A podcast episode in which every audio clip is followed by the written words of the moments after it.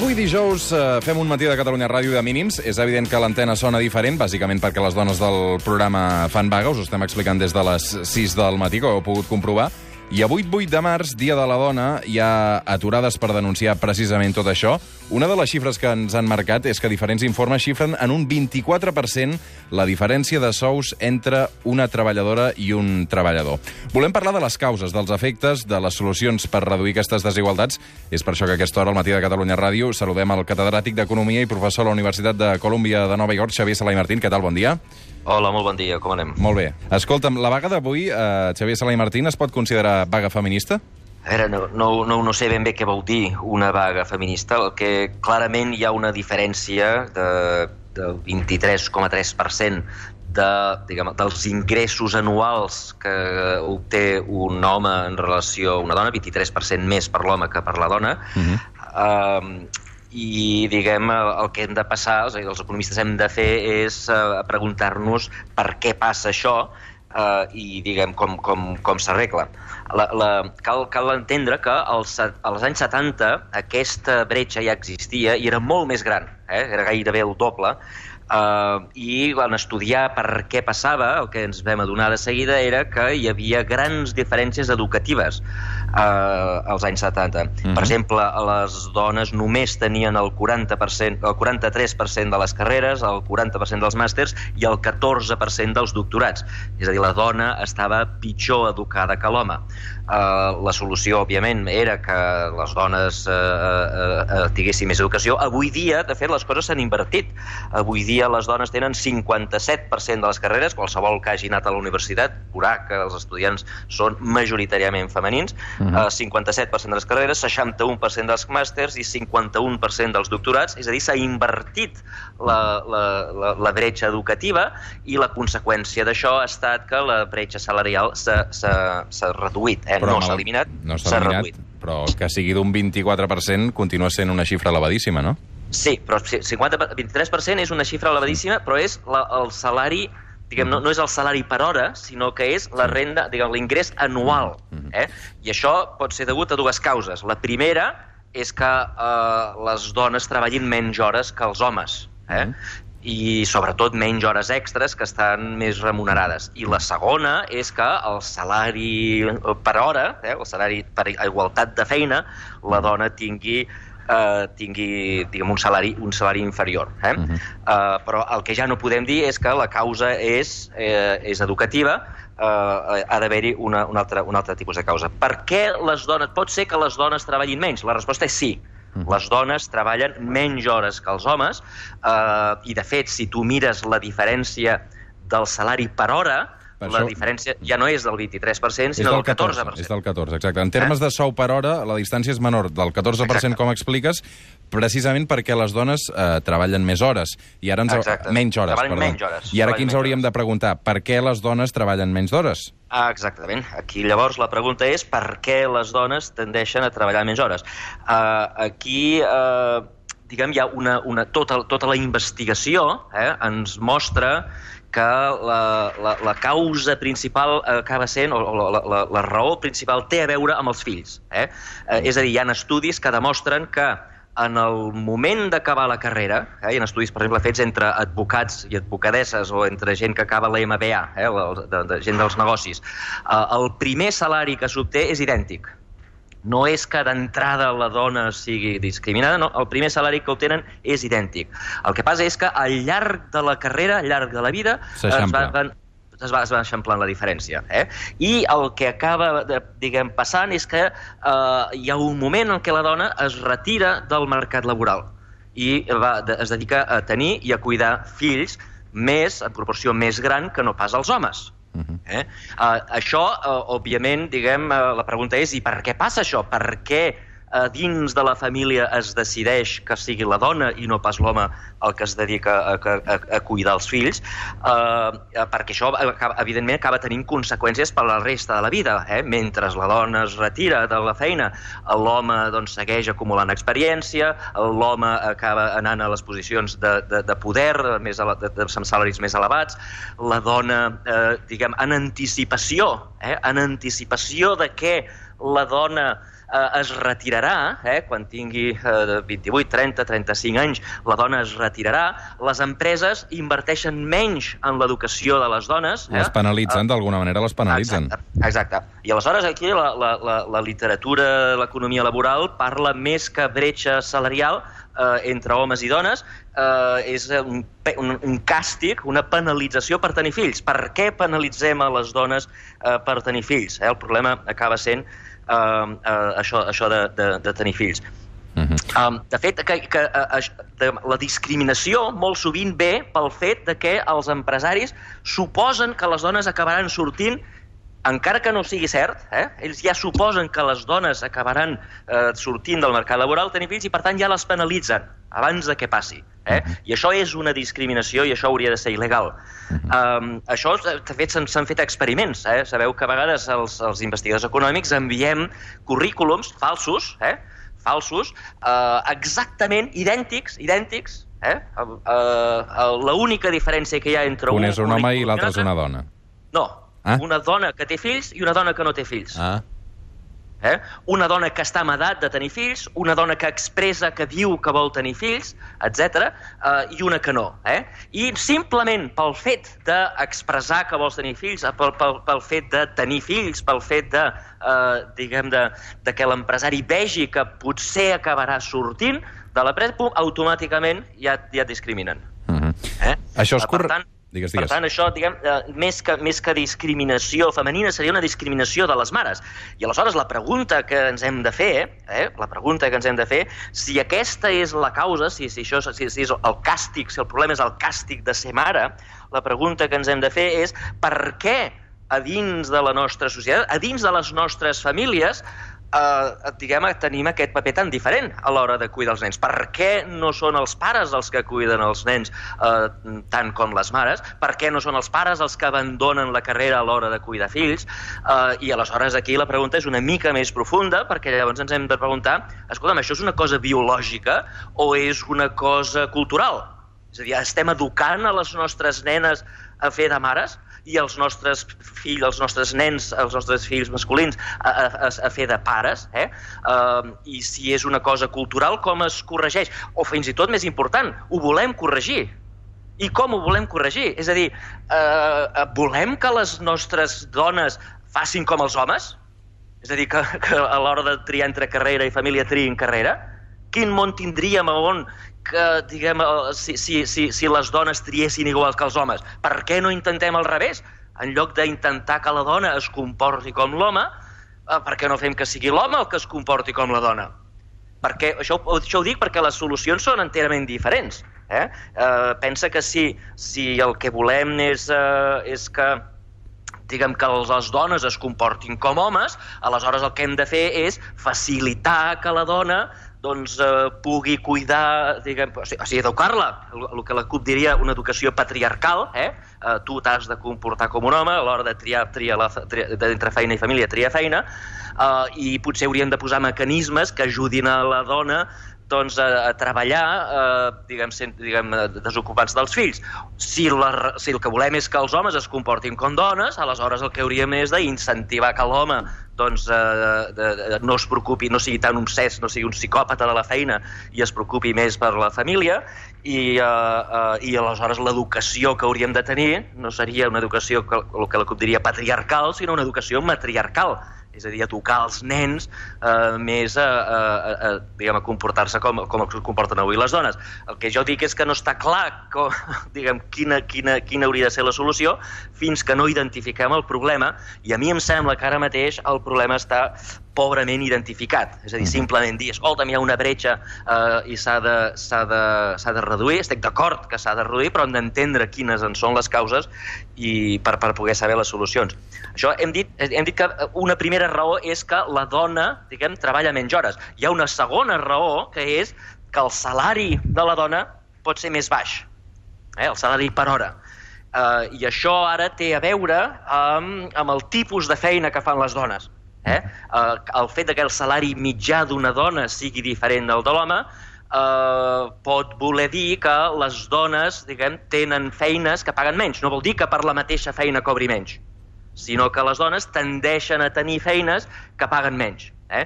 Per exemple, eh, se sap en el, en, el, en el món de l'economia laboral que les dones ten, tenen una, una, una tendència o tenen una, una, una proporció més elevada a treballar amb empreses petites i no pas grans. Les empreses petites paguen salaris inferiors. Tendeixen a treballar més amb ONGs, amb sectors serveis, amb, les, en, en, en empreses que tinguin, eh, que tinguin eh, en, en treballs que tenen menys risc. Eh? Uh -huh. Per exemple, hi ha moltes feines que tenen una part de fix i una part de variable.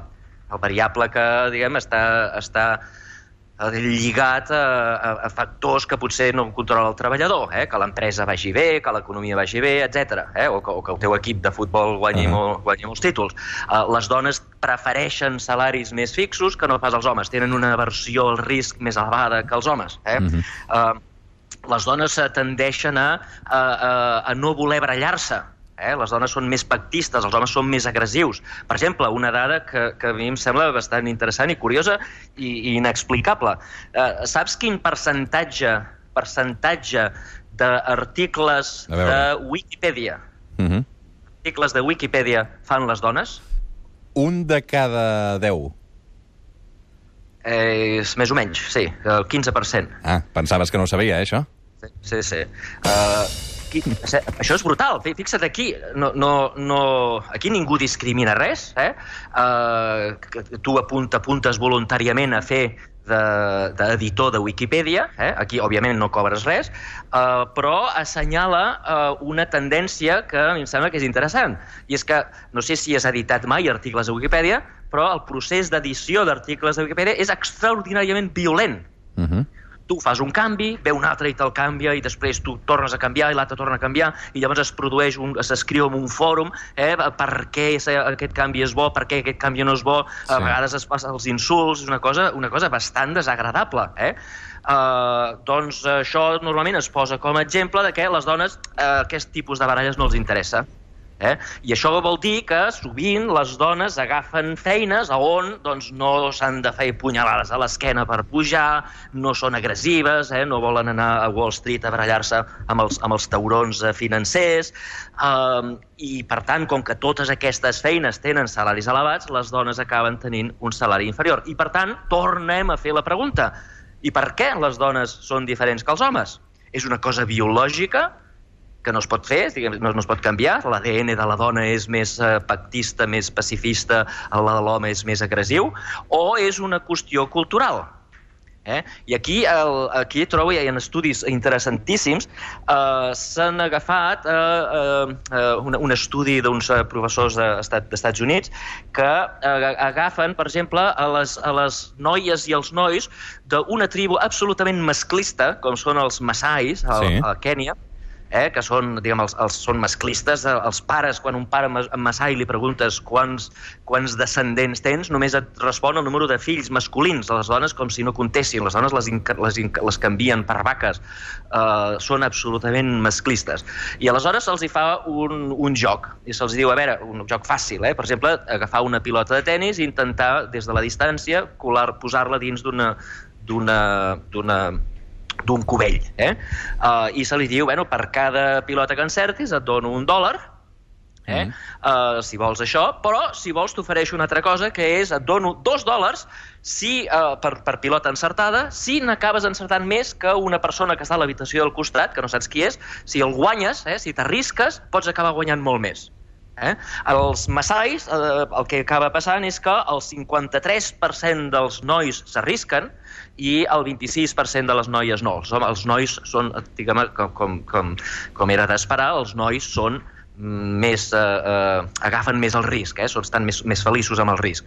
Eh, aleshores fa el mateix experiment amb unes tribus eh, matriarcals que hi ha a la Índia, que es diuen cassis, Uh, són tribus on els noms de la família passen de mares a filles, on les propietats, l'hereu principal sempre és la nena i no pas el nen, eh? són tribus matriarcals, i eh, allà les proporcions s'inverteixen. Les noies s'arrisquen molt més, eh, gràcies a que tenen un altre tipus d'educació, tendeixen a arriscar-se molt més, són més, tenen unes preferències pel risc molt més elevades que no pas els nois. El que és curiós és que quan repetim l'experiment a Califòrnia, als Estats Units, són idèntics als massais. Mm -hmm. idèntics als massais. És a dir, estem educant en els nostres nens i a les nostres nenes amb un uh, sistema que és idèntic al, al masclisme més absolut dels massais i això acaba tenint les conseqüències de que la dona té més por d'arriscar-se, el qual, com ja hem dit, uh, té implicacions a l'hora d'agafar una feina i, per tant, té implicacions a l'hora de tenir una bretxa salarial. Mm -hmm. Estem d'acord? La conclusió de tot això és que el problema és educatiu potser des de petitets ja els estem educant en els nens i a les nenes a que siguin diferents. Mm -hmm. I, per tant, la pregunta torna a ser igual que abans, que hem parlat de per què les dones treballen menys, eh, doncs la pregunta torna a ser, bueno, i en el fons, què volem? Que siguin els nens com les nenes o les nenes com els nens? És a dir, volem una societat diguem, que, que, en que tothom convergeixi i, i siguem tots com els massais? O volem una societat en el que siguem tots com els cassis? I la resposta per mi no és fàcil, eh? No és fàcil. Uh, volem que la nostra societat sigui agressiva i les dones s'incorporin a la feina igual que els homes i acabin tenint uns salaris elevadíssims a Wall Street, però siguem tots una colla de malparits que ens podem punyalades els uns als altres? Home, de malparits potser... ja en tenim prous, uh, segurament. Uh, Exactament. Uh, Xavier, hem apuntat algunes xifres. Uh, em deixes que, que n'apuntin el sentit de, per sectors? Perquè crec que la diferència també de la bretxa salarial és interessant. Segons Comissions Obreres, la bretxa salarial a Catalunya és del 24%. Les dones cobren uns 6.500 euros menys l'any que els homes. En termes de sou per hora treballada, la distància és menor, d'un 14%. Per sectors, la diferència salarial més gran és a la construcció, d'un 27%, mentre que a la indústria és del 22%. Les ocupacions menys qualificades tenen una bretxa més alta, del 37%, i a les més qualificades la distància és menor, tot i això, del 21%.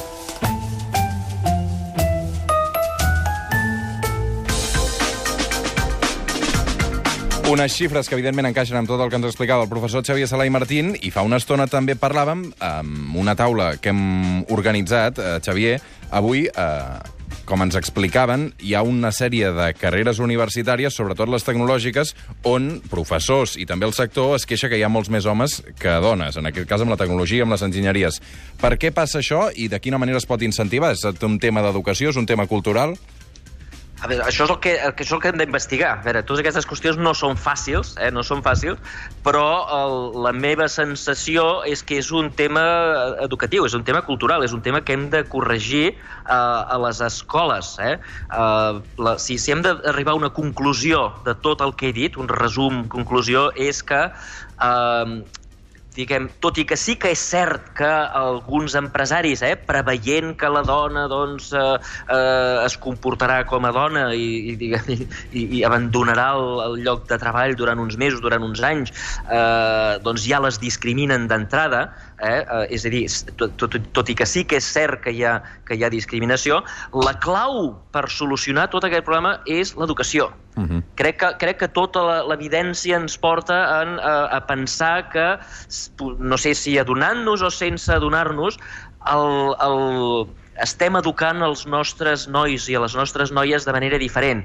Els mhm. estem, els estem a, eh, a, ensenyant a perpetuar uns papers que potser tenien sentit els, eh, eh diguem, amb els nostres ancestres, sí. eh, però que eh, han deixat de tenir sentit avui dia. Eh? Abans, la, els nostres ancestres, la, la, la, la divisió dins de la família era clara. L'home feia unes coses, la dona feia unes mm. coses. Aquesta divisió dins de la família eh, ha, ha desaparegut, ha de desaparèixer, sí. eh, però en canvi seguim educant els nostres nens i a les nostres nenes a pensar que, que, que diguem que són diferents. Per exemple, un altre, un altre exemple final. Uh, uh, tradicionalment hem pensat que les dones havien de cobrar menys que els homes dins de la família dins de la família. Uh, és a dir, es veia malament que la dona cobrés més que l'home. Òbviament, avui dia que, que els nivells educatius d'homes i dones són similars, hi ha moltes parelles on la, la dona acaba cobrant més que l'home. Uh, uh, I aleshores es produeix una cosa uh, estranyíssima. En les famílies on les dones cobren més, les, les, les dones cobren més que els homes, eh? Mm. la, la dona cobra més que el marit, el, el que acaba passant és que la dona agafa moltes més feines a dins de casa les dones que cobren més que els marits treballen molt més a, la, a fer el sopar, a fer els llits, Sí, a aquí només la estem casa. parlant de bretxa salarial, però evidentment les tasques domèstiques tampoc estan repartides a part iguals. Exacte. Pues aquestes tasques, la discriminació, diguem, la diferència en les tasques domèstiques és més gran quan més cobra la dona. Imagino. Com si la dona se sentís culpable Mhm. com si la dona se sentís culpable de, de, de, de cobrar més i aleshores ha de justificar davant del marit, eh? jo cobro més però tranquil que jo faig més coses a casa. Això clarament també és una, una herència del passat, eh? on estava ben vist que la dona... No estava ben vist que la dona cobrés més que l'home i, eh, i és una herència que, se, que es transmet a través de l'educació i de la cultura. La solució d'aquest problema eh, és, una, és l'educació. Els- Se'ls ha d'ensenyar a les nenes, que des de petites, eh, i als nens, escolta, que no passa res, no, no, no hi ha cap gran drama eh, pel fet de que la dona dins de la família cobri més que l'home.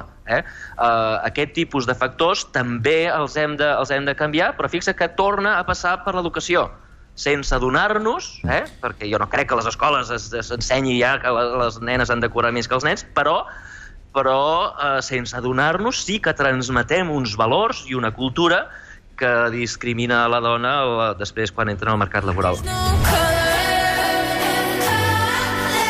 Avui li agraïm al Xavier Sala i Martín que ens hagi acompanyat en aquesta jornada també de vaga 8 de març per parlar de la bretxa salarial. Uh, Xavier, per cert, uh, aquests dies has publicat, ja està a la venda, La invasió dels robots i altres relats d'economia en colors, dividit en 12 capítols, com a la sèrie, un llibre on s'aborda l'economia de manera divulgativa, planera, de manera que enganxa el lector, i on s'expliquen uh, fenòmens tan estranys aplicats a l'economia com són el signe negre o l'efecte cobra, que jo coneixia l'efecte cobra en el terreny amorós, però no en l'econòmic. Sí.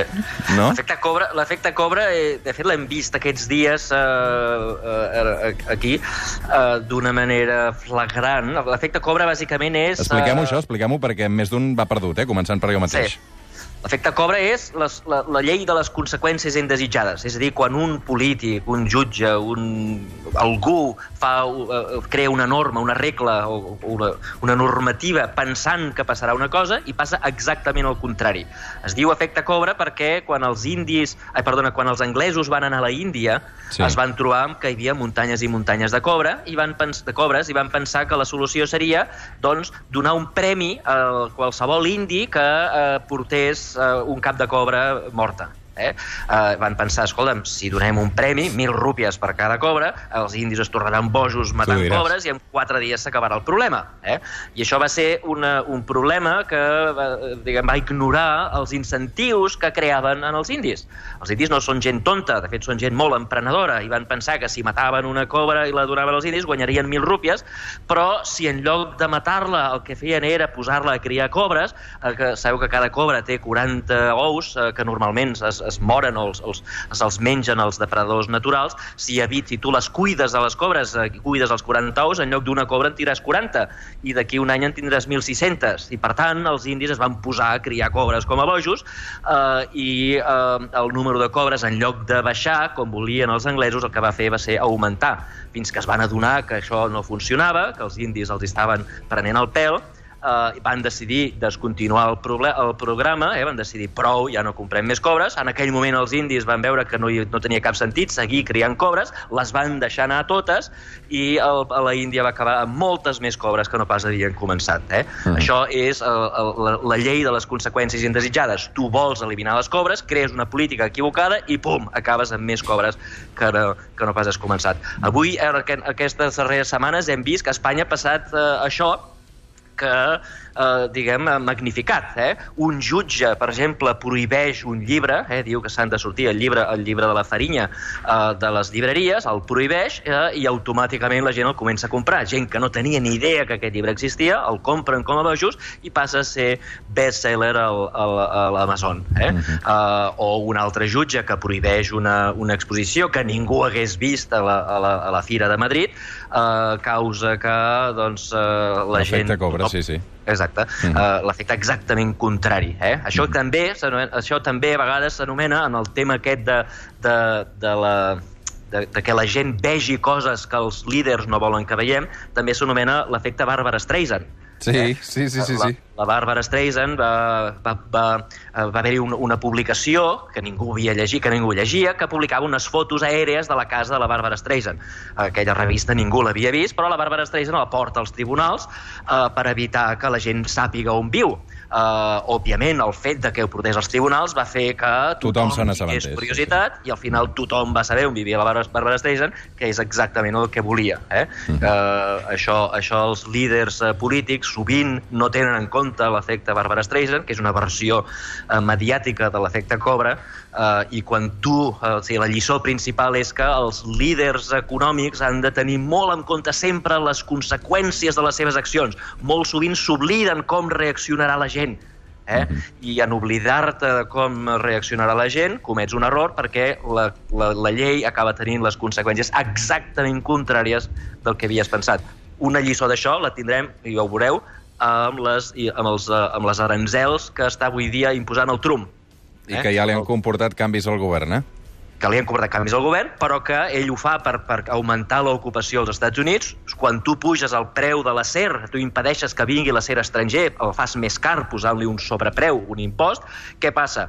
Que és veritat que les empreses d'acer dels Estats Units ara passen a ser competitives i vendran més, però les empreses que compren acer, els cotxes, les neveres, etc etc, tots aquests veuen que l'acer és més car i, per tant, aquestes empreses seran menys competitives, perdran llocs de treball i, en el seu conjunt, els Estats Units acabarà perdent per culpa d'una política equivocada. Xavier Sala i Martín, uh, La invasió dels robots i altres relats d'economia en color serà un dels uh, llibres també que es vendrà aquest Sant Jordi. Uh, una abraçada, moltes gràcies per tot. Gràcies a tu, a reveure. Que vagi bé.